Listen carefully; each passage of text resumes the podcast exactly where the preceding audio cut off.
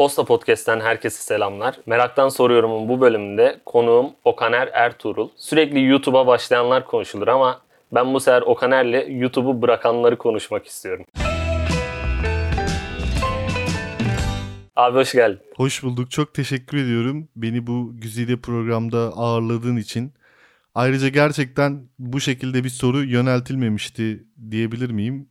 Diyebilirim evet.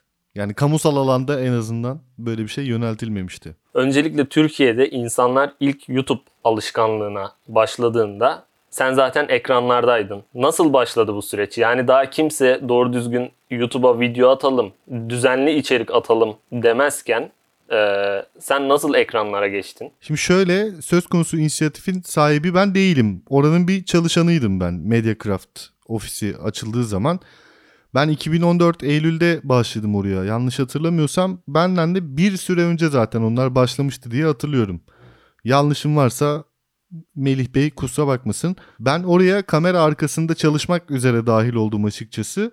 Çekim yapıyordum, kurgu yapıyordum vesaire. Bir noktadan sonra işler çok enteresan, güzel bir şekilde ilerleyince biz kamera önüne de geçmeye başladık. Keyifli de bir hikaye başlamış oldu. Yani o zaman evet mecra olarak YouTube'un esamesi pek okunmuyordu. Daha doğrusu insanlar için bir mevzu değildi. Sadece işte izledikleri işte Google'a süt seven kamyoncu yazıp enter'a bastıkları ve neticede videoya ulaştıkları bir yerdi. Ee, ya da işte başka muhtelif 2000'li yılların şakaları. Gel gelelim Mediacraft'ın ve o zamanki birkaç personanın da etkisiyle iş ciddiye bindi. Aslında iş ciddiye bilince de bizim kıymetimiz başka bir yere gitti vesaire. Mecra olarak YouTube'u kullanmaya başladınız. Aynı zamanda video içerik üretiminin de ilk ayaklarından biriydiniz. Bu yaratımların içinde bulunmak nasıl bir şeydi? Fikir üretiminin çok ciddi bir parçası olmadım ben Mediacraft'tayken açıkçası. Genelde Melih o işleri üstleniyordu. Biz ifa ediyorduk, çekiyorduk ya da oynuyorduk ya da ikisini birden yapıyorduk. Kurguluyorduk ama orada bir üslup oluşturuyorduk illaki. En nihayetinde ben oyuncu değilim yani oynamayı bilmem ben. Ee, hani bir şekilde kendimce bir şeyler denemişliğim vardır muhtelif videolarda ama hani bu o düstura hakim olduğum anlamına gelmiyor. Ee, dolayısıyla e, içerik mevzusunu ya yani bu sorunun cevabını aslında Melih'in vermesi lazım. Çünkü ekseriyetle o meşguldü bu hikayeyle. Ama hani ifa ederken mutlaka bir şeyler katmışızdır. Benim orada keşfettiğim ya da ke- keşfettiğim demeyeyim de kendimce olumlu gördüğüm şey herhangi biri olmamanın ya sadece kendin olmaya çalışmanın bir kıymeti olduğuydu. Kaldı ki muhtelif geri dönüşlerde de bunun kıymetini görmüşlüğüm vardır. Yani ne yaptın? Önüme metin geldi ya da işte önüme fikir geldi. Abi bunu böyle böyle yaparız dedik. Yani temayı ben üretmedim ama en nihayetinde ona bir katma değerim olmuştur. Sonra da ifa ettik ve ortaya çıktı ve orada da bir iletişim oluştu. Yani izleyiciyle aramızda. Yani bu geldiğimiz günde işte 2021'de bile işte sokakta gezerken ya da sağda solda bir yerde otururken bir şey yaparken illa bir iletişim oluyor. İnsanlar gelip bir, hala bir geri bildirim veriyorlar. Daha dün hatta çocuğun biri hala o biber videosunu izliyorum falan dedi bana. Enteresan. Hala izliyor olması enteresan yani hani. Keyifli ama. YouTube'da çok öneriyor biber videosunu. olabilir. Gerçekten olabilir yani. O Milyonları da, aştı yani. O video bu arada 10 milyon falan izlendi herhalde. Benim Gerçekten. Mediacraft'tan ayrılık kısmını hızlı hızlı geçip sonra kendi kanalına geçtin ve Hakan'la başladın. Gözlüklü ve sakallı. Peki bir şirketten ayrılıp iki kişi olarak yola çıkmanın zorlukları ve kolaylıkları nelerdi? Ya kolaylıkları karar vermek çok kolay. Herhangi bir şey yapmak için. Gerçi Hakan'ın özelinde zor olduğu durumlarda olmuştur illa ki. Yani ya bana ne böyle olacak falan gibi şeyler demişizdir birbirimize ama zorlukları çok fazla. Yani bir finansman zorluğu zaten başlı başına bir hikaye. Çünkü yok şirketli şuydu buydu gibi hikayelere girdiğin zaman hayat karışıyor. Yani zorlaşıyor. Ee, yani genel olarak iktisadi zorluklar vardı. Maaş almak çok keyifli bir şey. Yani her ay ne kadar para kazanacağını biliyorsun. Ve bunu hatır sayılır bir süre biliyorsun ama hani kendi işini yapmaya çalışmakta gelir yaratma sorumluluğu %100 sende ya da işte bizim hikayemizde %50 %50 hani iki kişi paylaştığın için zor oluyor. Ne zaman para geleceğini bilmiyorsun, ne zaman neyle para kazanacağına emin değilsin vesaire. Ama keyifli kısımları oldu. Yani güzel paralar da kazandık. Kazanamadığımızda da sıkıntı olmadı. Yani Daha konforlu bir hayatımız oldu. Çünkü kendimiz karar veriyorduk. Bunu yapalım mı yapalım yapmayalım boş ver falan bilmem ne. Ay bugün hiçbir şey yapmayalım gel işte gezelim sağa sola bakalım. Yok spor yapalım falan filan. Böyle bir şey vardı. Hani bu kişilerin yani kişiler olarak ikimizin inisiyatifindeydi. Genelde yani aslında baktığın zaman iktisadi temelde oluyor bazı şeyler, zorluklar ve kolaylıklar. İçerik üretmek adına kendi tavrını falan koyduğun için o artık kendi istediğin şey olduğu için zaten keyifle yapıyorsun. Yani en azından bir noktaya kadar gayet güzel gidiyordu. Zaten YouTube'u bırakmak üzerine konuşacaktık. Ee, sen de birkaç defa YouTube'u bırakmış ve geri dönmüş birisin. Öncelikle ilk YouTube'u bırakmak kararın Hakan'ın gidişiydi sanırım. Aslında Hakan'ın gidişi değildi ya. Benim ilk YouTube bırakmam Hakan'dan biraz daha sonraydı. Orada bir devam ettim bir arkadaşla beraber. Ondan sonra onunla da böyle bir oturtamadık o hikayeyi. Sonra tek başıma devam ettim. Sonra da bir noktada bıraktım açıkçası. Yani bunu öğrenmek istiyorum öncelikle.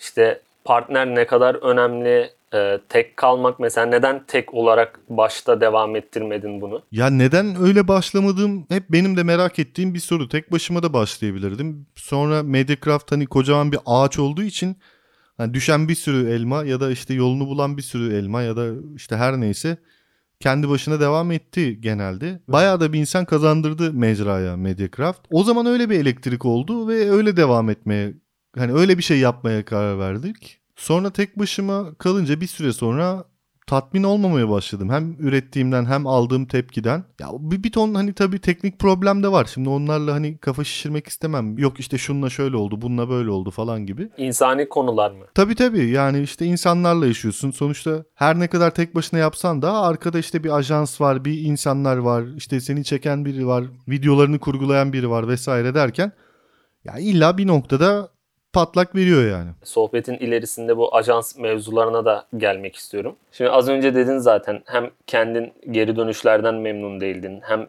insani yönleri de vardı olayın, teknik yönleri de vardı dediğin gibi işte bir ajansa bağlısın, orada çalışanlar var. Belki de bunun getirisini ve götürüsünü de hesaplıyordun falan filan derken sen sonra tekrar bir geri döndün ve bu sefer yemek kanalı. Kendinin de tırnak içinde sürekli bahsettiğin gibi gurme şeklinde döndün. Yemek videoları yaptın. YouTube'da tonla yemek videosu yapan kanal var. Sen neden bunu yapmak istedin ve geri dönüşler nasıl oldu? Gurme biraz büyük bir kelime aslında da hani biraz tabii içi boşalmış olabilir sözün meclisten dışarı.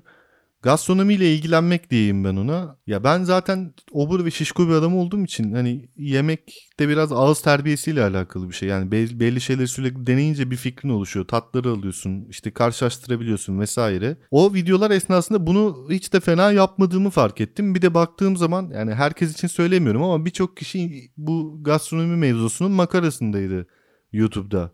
İşte en büyük döneri yedim, en küçük lahmacunu yedim, işte en pahalı bilmem neyi yedim falan. Tamam bu da güzel. Bunu ben de yapıyorum ama ya en azından bir yemeğin ya her yemeğin bir hikayesi oluyor ve yani bunu da paylaşmak bence keyifli bir içerik. Yani ben kendim de izliyorum böyle şeyler.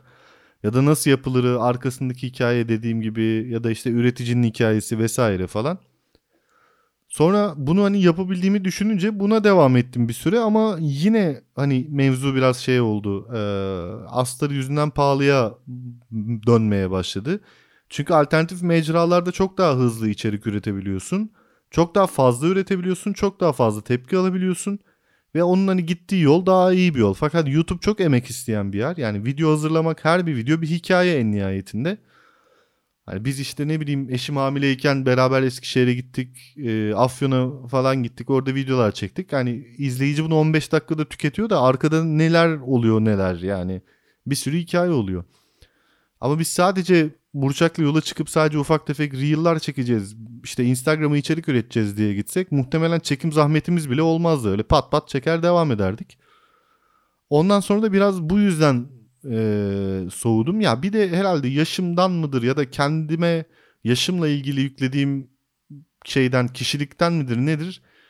Çok da böyle tabiri caizse zevzekleşemiyorum ben kamera önünde. Böyle çok şakalar, komiklikler, merhaba arkadaşlar hey falan hani o insan olamıyorum ben ve hatır sayılır bir süredir olamıyorum. Ama izleyici özellikle YouTube'da takip ettiğim kadarıyla hala öyle olduğunu görüyorum. İzleyici bunu istiyor. E, ben de bunu vermek istemiyorum. Ben normal olduğumda da benim rekabet alanım değişiyor. Bu sefer daha böyle bu işin piri insanlarla bir rekabete giriyorsun. Orada da ayrı bir dava falan var derken saldım açıkçası. Yani hani bunun başka türlü bir ifadesi yok. Bebeğin de oldu gözün aydın. Ha teşekkürler. Hanım aşeriyoru falan yaptığın için bazı insanlar bebek doğmasına da bağladılar. Ee, ve geri dönmeni beklediler belli bir süre benim yorumlardan gördüğüm kadarıyla. Peki sen geri dönecek misin? Ya işte aslında bırakma hikayesi biraz şey gibi. Vedat Özdemiroğlu'nun bir lafı vardır. Hani sigara bırakılmaz mevzu bahis zaman iki sigara arasındaki acılı periyottur diye. Hani biraz bu da öyle yani YouTube ya da işte bu mecralarda bırakı, bırakılmıyor kolay kolay. E, çünkü şey e, ya bir şekilde öyle ya da böyle bir egon okşanıyor bir hoşuna gidiyor bir, bir, bir, bir tat alıyorsun oradan para kazanamasan bile bazen. Hani bir keyif alıyorsun kendi hani benliğine dair bir şey alıyorsun vesaire. Yani bıraktım mı abi bıraktım kanalı kapattım falan gibi bir keskin bir şeyim yok. Yarın öbür gün içerik üretmek isteyebilirim e, ve üretebilirim. Ya aklımda da var bir sürü şey de biraz da işte tabii tembel bir insanım kendi adıma bir şey yapılacağı zaman. Kendi kendime bir şey yapacağım zaman özellikle. O yüzden hani şu an ara açık ya da ortada bir tarih de yok. Bir hani icraata geçilecek bir şey de yok. Ama olmayacağı anlamına gelmiyor. Gerçi bir daha döndüğümde YouTube ne der, izleyici ne der? Tabii bir de o kısmı var. Sen bırakmadım diyorsun ama YouTube seni bırakıyor ve izleyici de seni bırakıyor algoritmanın dışına itiyor seni. İki video arasındaki zaman derken YouTube aslında seni çoktan dışlamış oluyor. Çünkü bu şu an bile izlenmelerinde kendini belli ediyor. İşte ilk Hakan'la yaptığınız videolar 100 binleri rahatlıkla görürken hatta aynı senin acı biber gibi Hakan'ın düğününü bastığın videosu da fenomen bir videoya dönüştü. Bir de bizim çok komik o 5. videomuzdu galiba Bolu videosu. Bolu'da bir makara yapmıştık. Onu çektiğimiz günlerde, onu yayına girdiğimiz günlerde algoritma değişmişti ve yani belki hatırlarsın o dönem birçok üretici ne oluyor ya falan demişti. Çünkü aşırı düşmüştü izlenmeler ve o arada kaybolan birkaç büyük YouTuber var yani. Böyle hani milyon plus kanalı olup da 30 binlere hani izlenmeleri düşen ve kaybolan insanlar falan oldu ya da en azından göz önünden uzaklaşan. Mecra da bize ya da üreticilere ne kadar sahip çıkıyor, nasıl bir şey yapıyor bu biraz tabii tartışmalı. Gerçi küreselde bakarsan hiçbir önemi yok tabii de hani ülke bazında bakarsan orada da bir seçimler yapılıyor bence. Bilmiyorum ben hani çok böyle dürüst bir ticaretin yürüdüğünü düşünmüyorum açıkçası mecranın özelinde. Kaldı ki bir algoritma durumu da var. Hani bu sadece şey demek değil. Hani birileri var ve bizi istemiyor, basıyorlar falan gibi bir durum değil ama tabii ki algoritmanın da ciddi etkisi var ama hani bir insan etkisi olduğunu da düşünüyorum açıkçası. Kim ne derse desin. Ya mesela Spotify için bu zaten çok konuşuluyor ve çeşitli kanıtları da ortaya atıldı. Parayla playlistlere girmek olsun. YouTube'a da girip baktığımızda YouTube'un keşfetinde sanki bir televizyon yayın akışı gibi diziler var sürekli. Senin de söylediğin gibi belki de seçilen 3-5 YouTuber var. Aynen öyle. Aynen öyle diyorum da bunu net bir bilgi olarak söylemiyorum ama hani baktığın zaman ana sayfaya baktığın zaman dediğin gibi işte trendlere baktığın zaman televizyon içeriklerinin olması, belli YouTuber'ların etrafında dönmesi biraz bunu gösteriyor. Yani çok rastgele bir şeyler gelmiyor. Bilmiyorum. Yani globalde de takip ettiğim bir sürü kanal var ve ana akım değil birçoğu. O tarafta bana tavsiye edilen şeyler daha böyle şey nasıl diyeyim mantıklı geliyor. Gerçi önüme illa böyle bir ana akımdan birileri sürekli atılıyor ama bunları hani istemesem de periyodik olarak önüme atılıyor da Türkiye'de işler biraz daha böyle tam Türkiye'ye uygun bir şekilde ilerliyormuş gibi geliyor bana. Yani valla insanların da günahını almak istemiyorum ama bilmiyorum buradan böyle gözüküyor yani. O zaman şunu meraktan soruyorum aslında. Bu çok konuşulan bir şey YouTuber'ların gelirleri. İşte istatistik siteleri var. Kanalın ismini yazıyorsun. Sana şak diye çıkartıyor. Diyor ki bu adam işte aylık 100 bin lira kazanıyor. Ne kadar doğru olduğu tartışılır bir şekilde. Veya yine işin içerik üreticiliği tarafında işte oturduğu yerden para kazanma, şebeklik yaparak para kazanma gibi tabirler var. YouTube'dan iyi para kazanıyor muydun? Ee, iyi kısmını şöyle açıklayayım insanların ifade ettiği gibi iyi kazanmak. Ben kazanmıyordum. Ben zaten YouTube'un reklam gelirlerinden önemli bir para kazanmadım bu zamana kadar. Çünkü biz Hakan'la yaparken ve hani biraz olsun YouTube'dan gelir elde edecek noktadayken YouTube'un Türkiye'deki üreticilere çok ciddi bir reklam bütçesi ayırmadığını hatırlıyorum. Şu an mesela daha yüksek o bütçeler diyebiliyorum ama şu anda da ben yapmıyorum falan. Ama yan gelirler oluyordu. Yani sponsorlu iş yapıyorsun oradan kazanıyorsun. Yani ne kadar kazanıyordum? İşte Acıbadem'de 3 artı 1 bir evde oturuyordum İstanbul'dayken. Şu an Bursa'dayım biliyorsun. Ee, Acıbadem'de ev kiramı ödüyordum. Faturalarımı ödüyordum. Hani böyle iyi de yiyordum yani. Hani yemeğimden falan kısmıyordum. Öyle çok ciddi borçlarım yoktu. Ufak tefek borçlarım vardı. Onları da bir şekilde ödeyebiliyordum ve çevirebiliyordum yani.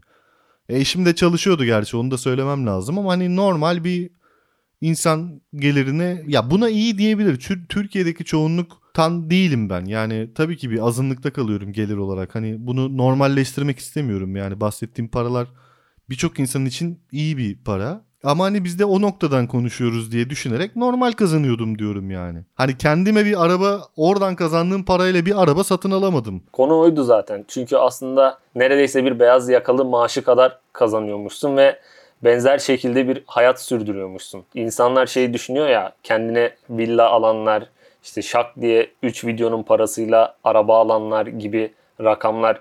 Bunda elbette yani işte 3 videonun parasıyla kendine araba alanlarda sponsorluk gelirlerinin de etkisi var değil mi? Tabii ki var ama yani şöyle e, güzel bir şey dedin demin. Evet bir beyaz yakalı kadar kazanıyordum ama bir beyaz yakalının üçte biri falan çalışıyordum ben. Mesela YouTube'da mecrada bir beyaz yakalı kadar çalıştığın zaman yani bunun 3-4 katı para kazanabilirsin. Öyle söyleyeyim. Yani içerik üretiminde ısrar ettiğin zaman işte insanların ne izleyeceğini tahmin edip ona göre bir şeyler yarattığın zaman çok ciddi paralar kazanabilirsin. Artı yan gelirlerin de artıyor. Yani sen atıyorum bir firmaya 100 bin izlenme satıyorsan onun karşılığında da belli bir para alıyorsan 1 milyon izlenme satabildiğin zaman haliyle bunun 8-10 katını kazanırsın. Ki böyle rakamlarda söz konusu.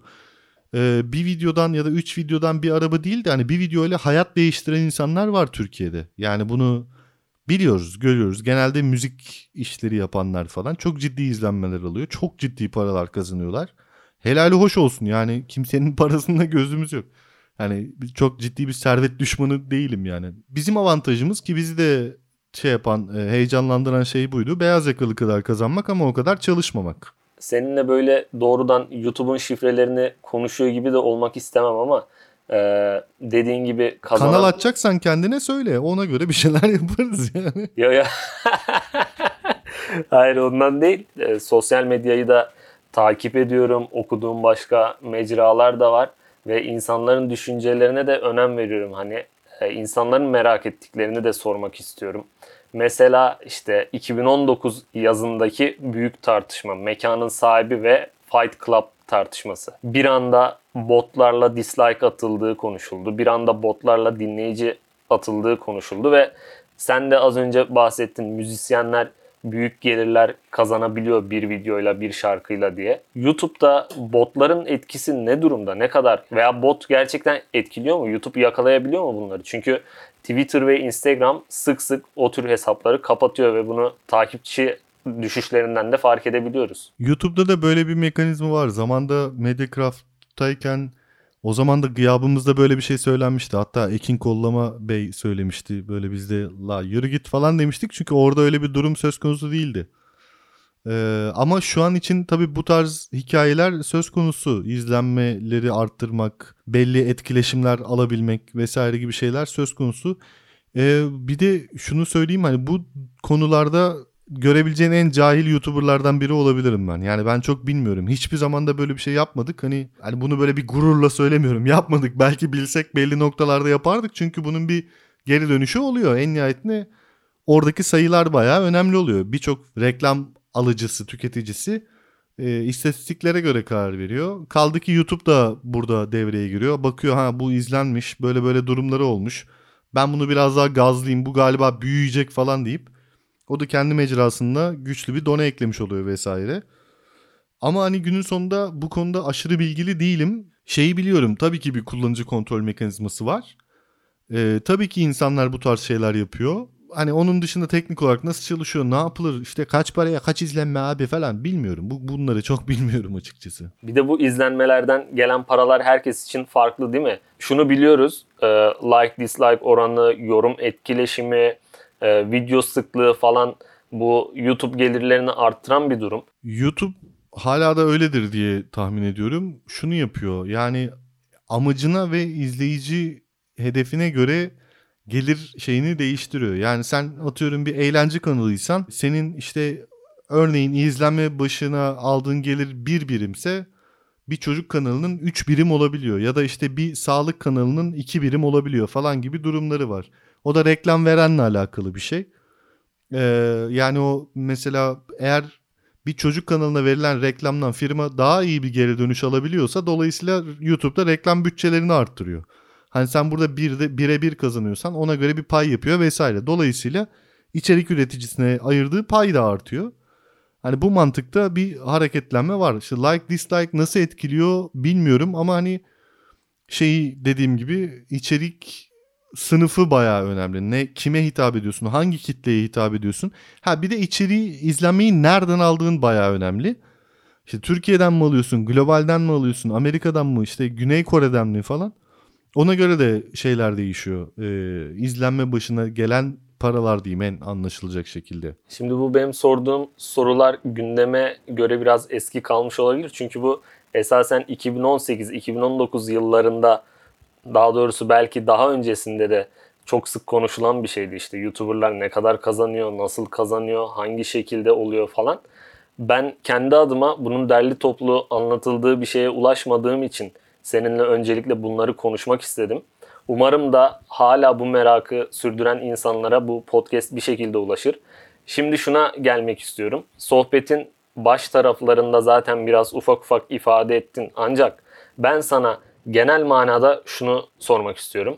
Sen bunu kişisel ve nesnel olarak da ifade edebilirsin. Şunu merak ediyorum. YouTube neden bırakılır? Tabii ki burada iki tane yol var. Ya maddi durumlardır, iktisadi sebeplerle bırakılır ya da hani muhtelif manevi sorunlarla bırakılır. Yani ne olur bu işte mesela ya benim temelde bırakma sebebim aslında kısmen iktisadiydi de aslına bakarsan yani o iletişimden sıkıldım belki de. Yani çok da hoşuma gitmemeye başladı vesaire. Demin de dediğim gibi yani astarı yüzünden pahalı durumu bir yana bir yandan da işte o, o insan olmadığımı düşündüm açıkçası. Yani o, o kadar da ya da o, o insan olmaya devam edecek gücü bulamadım kendimde. Yani o şekilde hareket etmeye gücüm kalmadı. Az önce bahsettiğim gibi bir enerji ihtiyacı çıkarıyor ortaya. Aynen yani o enerjiyi her zaman sağlayamayabiliyorsun. Sağlayamadığın noktada da tabii ki bırakma istiyorsun. Ya yine de hani çoğunlukla iktisadi oluyor. İşte astarı yüzünden pahalı oluyor bir şekilde vazgeçiyorsun. Basit matematikler yapıyorsun. Ben bunu harcayacağım emekle bir yer tekel bayi açarım ya da bir bakkal açarım, bir manav açarım diyorsun. Her maaşlı çalışanın yaptığı gibi. Aynen işte yok gider bir Mozambik'te bir butik otel açarım falan diyorsun. Garip garip hesaplar yapıp kendine haklı görüyorsun. Sonra niye bununla uğraşıyorum diyorsun. Kendi adıma şunu söyleyebilirim sadece. Ben insanların çok havalı duyulmasın ama çok kötü yorum almadım ben bu zamana kadar. Böyle bir iki tane tırnak içinde olaylı diyebileceğimiz video vardı. Rahmetli Cem'le alakalı olan video falan gibi. Orada böyle ufak tefek sürtüşmeler oldu vesaire. Yani yorumlar babında. Ama onun dışında vay yaptığın işe bilmem ne yapayım falan gibi yorumlar almadım pek fazla. Aldığım noktada da yani bundan rahatsız olmadım. Hiçbir zaman olmadım. Tabii ki bazı kelime filtrelerimiz oluyordu. Hani böyle abuk subuk küfürler müfürler yazılmasın diye. O da şeyden değil. Vay ben alınıyorum diye değil. Yani öyle bir şeyin orada yeri yok diye. Ya en fazla şey oluyordu böyle. Benim hani tadımı kaçıran mesela bir şey yapıyorsun. Yorumlarla şarkı diye bir video yapmıştık Hakan'la. Sonra biz şarkıyı besteledik yani. Hani böyle o ara moda şeydi. Başka bir şarkı alıp ona yorum yazmak şeklindeydi. Biz komple şarkı yaptık. Bir klip çektik kendimizce vesaire. Yorumlarda kafiye yok diye ne kazmalığımız kaldı ne cahilliğimiz kaldı. Ya yorumda niye kafiye olsun zaten? Kaldı ki ulan şarkıyı yaptım bırak sen yani yorumunu okuyoruz işte boş ver. Hani rhyme oldu ve devam ediyor falan. E şimdi bu böyle şeyler böyle bir tat kaçırıyor ulan falan diyorsun hani böyle bir şimdi ne gerek var? Ya da mesela işte 10 tane donesi olan bir şeyin altısından bahsediyorsun. Dördünü bilmiyor değilsin de hani zaman mekan bir sürü şey var orada durum var o altısı onu özetler diyorsun. Adam seni o dördünden vurmaya çalışıyor. E ne seni tanıyor ne sen onu tanıyorsun. Bir de böyle çok hani müthiş bir münazara içindeymiş ve bir şey kazanacakmış gibi bir şey yazıyor sana. Bazen cevap veriyordum ya niye böyle bir muhabbetin içindeyiz hani ben bilmiyor muyum bunu falan diye. Sonra ya işte öyle demek istemedim hey falan diye hani düşüyordu bu. Yani böyle durumlar oluyordu en fazla. Hani bunlar da benim tadım kaçıracak bir şey değil yani. Birinin ne dediğine ne kadar takabilirim ki zaten. Şimdi YouTube'a içerik üretmenin zorluğundan zaten bahsettin. Mesela YouTube'a geri dönerim veya dönmem konusunda net konuşmadın ama diğer mecralar için içerik üretecek misin? Çünkü Instagram'da mesela videoların var hazırladığın. Hala hazırda birkaçı yüz binlerce de izlenen, kendi elinle yaptığın tarifler de var, gidip çektiğin şeyler de var. Yani şunu sormak istiyorum. İçerik üreticiliğini devam ettirecek misin? Şimdi şöyle buna net bir cevap verebilirim ve bu cevapta evet ama. Ee, geldiğim noktada fark ettiğim şey şu ki benim yaptığım içerikleri yani daha önceden yaptığım içerikleri insanlar benden izlemek zorunda değil. Yani benim özgün çok fazla yarattığım bir şey yok. Bir tane uskumru tarifi vardı. O da hani keyifli oldu, güzel bir şeydi falan filan ama yani ben ne yemek yapmak zorundayım, ne yemek tatmak zorundayım, ne bilmem ne falan veya insanlar bunu benden izlemek zorunda değil. Evet bundan keyif alıyor olabilirler ama benim kendi adıma yapabildiğimi düşündüğüm yegane şey müzik. Aslında müzisyenim ben. Hani birçok insan bu kimliğimin farkında bile olmayabilir. Ee, ya da farkındaysa da ne ürettiğimi, ne üreteceğimi dair bir fikirleri olmayabilir. Yani orta ya da uzun vadede bir müzik üretmek gibi bir şeyim var, gazım var. Yani bu ama şey değil. İşte bir YouTuber'ın 3-5 şan ders alıp işte bir beatmaker'la çalışıp bir şarkı yapması gibi bir şey değil. Ya şarkıcı değilim ben yani. Şarkı söyleyebilen bir insan zaten değilim. Kaldı ki şarkıcı da değilim. Veya işte 3-5 bir şey öğrenip hani 4 akor basıp şarkı yapacak bir insan da değilim. Hayatta hayata dair söylemek istediğim şeyler var mutlaka. Ve bunu beyan edebilecek gücü kendimde buluyorum. Ama bunu hani video veya işte böyle eğlence formunda değil de daha ciddi ve müzik formunda yapmak istiyorum. Burada da ciddi bir aslında özgüven problemim var. Yani onu da söyleyebilirim. Çünkü kendi dinlediğim şeylerle kendimi kıyaslamak durumunda olduğum için bazen gözüm yemiyor. Ben diyorum yeterince iyi yapamıyorum henüz. Yeterince iyi yaptığım zaman bunu paylaşırım diyorum. Ee, ve illa böyle bir nokta gelecek ve hani bunları yayınlayacağım. Bu benim kendimi bildiğim bile düşündüğüm, yapmak istediğim bir şey. Hani böyle şey insanların hani YouTube kimselerinden duymaya alıştığı bir şey gibi olacağını sanmıyorum. Dinlerler, dinlemezler, insanlara ulaşır, ulaşmaz bu da çok umurumda değil. Benim söylemek istediğim bir şey var. Hani muhtelif mecralara dair de fikrim var ve o mecralarda da bunu ifade etmek istiyorum. Benim en büyük derdim bu. Hani ne zaman oluru da bilmiyorum. İlla hani bir ara olacak. Yani hali hazırda ufak tefek kayıtlarım var. Onları işte belli teknik problemleri aşarsam bir iki tanesini yakın zamanda gerçekleştirmek ve hani paylaşmak da istiyorum. Tabi bunların videografik ifadeleri de olacak. Yani klip şeklinde falan olacak. Bakalım göreceğiz. Sevgili Gaye Hanım'dan alıntılamak gerekirse biliyorsun istikrarlı hayal hakikattir hocam. Göreceğiz. Bazı insanlar bana sürekli şunu soruyor. Daha önce bizim seninle dostluğumuzu görmüş olanlar özellikle nasıl şu an bile seni sokakta çevirip seninle fotoğraf çekilenler varsa beni görenler de bana şunu soruyor. Okan Er şimdi ne yapıyor? Sen şu an ne yapıyorsun? Valla şu an işte çocuk var. Ee, bütün şeyimi, vaktimi ona ayırıyorum açıkçası. Çünkü hayattaki hiçbir şeyden, hiçbirinizden daha az kıymetli değil. Yani en kıymetli şey o benim için. Dolayısıyla hani full time babalık yapıyorum şu an. Ee, eşimin de sırtından alabildiğim kadar yük almaya çalışıyorum. Tabii mümkün olmayan durumlar oluyor da. Ee, tamamen onunla ilgileniyorum. Ha ne yer ne içer taş mı kaynatır? Hayır.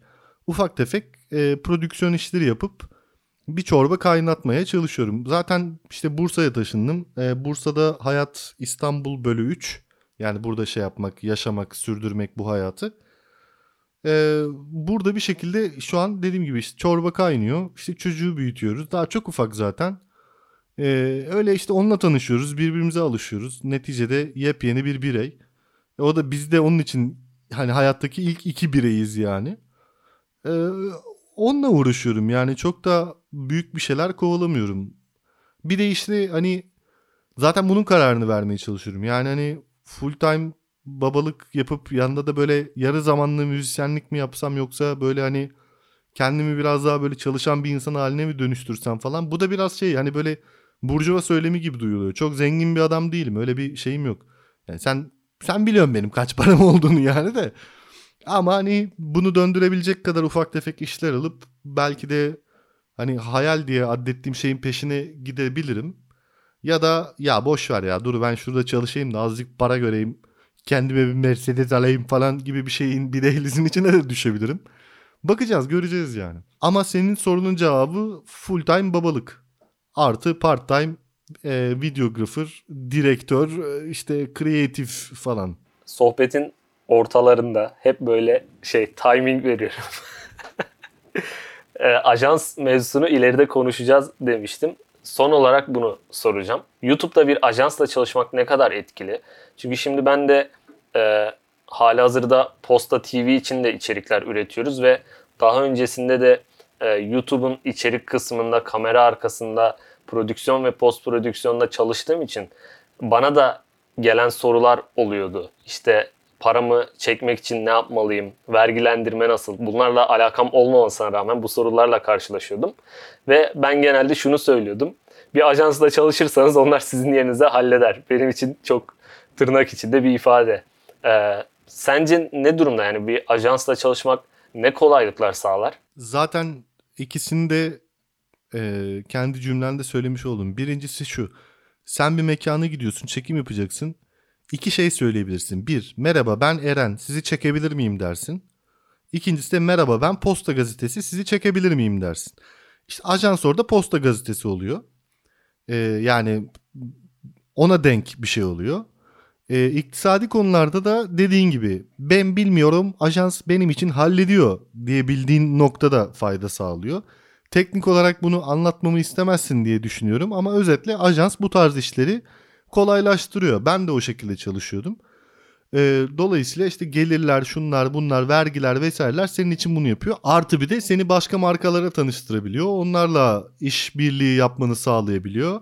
Veya başka yerlerde, başka mekanlarda, organizasyonlarda seni temsil ediyor. Bir de hani o kadar da tek başına olmuyorsun. Etrafında insanlar oluyor. Böyle işte evde birçok işini görebilecekken bir yere giriyorsun. Aa gençler ne haber? İşte Figencim bir kahve alabilir miyim canım falan gibi şeyler yaşıyorsun. Bu da keyifli hissettiriyor yani. Yani bu işin makarası tabii de anladın. Yani ben soruların kendi kafamda olan kısımlarının cevaplarının verildiğini düşünüyorum. Senin eklemek istediğin bir şey var mı? Ya benim bu hikayeden anladığım genel olarak şu. E, Türkiye'de çok ciddi bir şey tutkusu var. Ama bu satıyor tutkusu. Bu tutku bizi muhtelif dehlizlere çekiyor. Kafayı bundan kaldırmak bayağı kıymetli bir şey. Ama bu satıyor ama ben istediğimi yapacağım diyebilmek bence çok kıymetli bir şey. Senin mecranda kullanarak bu mesajımı dinleyicilerine aktarmak isterim. Yani demem o ki lütfen insanlar istediği şeyi yapsın artık. İnsanların istediğini yapmasın. Onlar kendi istediklerini yapsın ki özgünlük dediğimiz şeyin ne kadar kıymetli olduğunu tekrar hatırlayalım. Ya süper. Ağzına sağlık. Sayın Mutlay kendinize iyi bakın. Görüşmek üzere.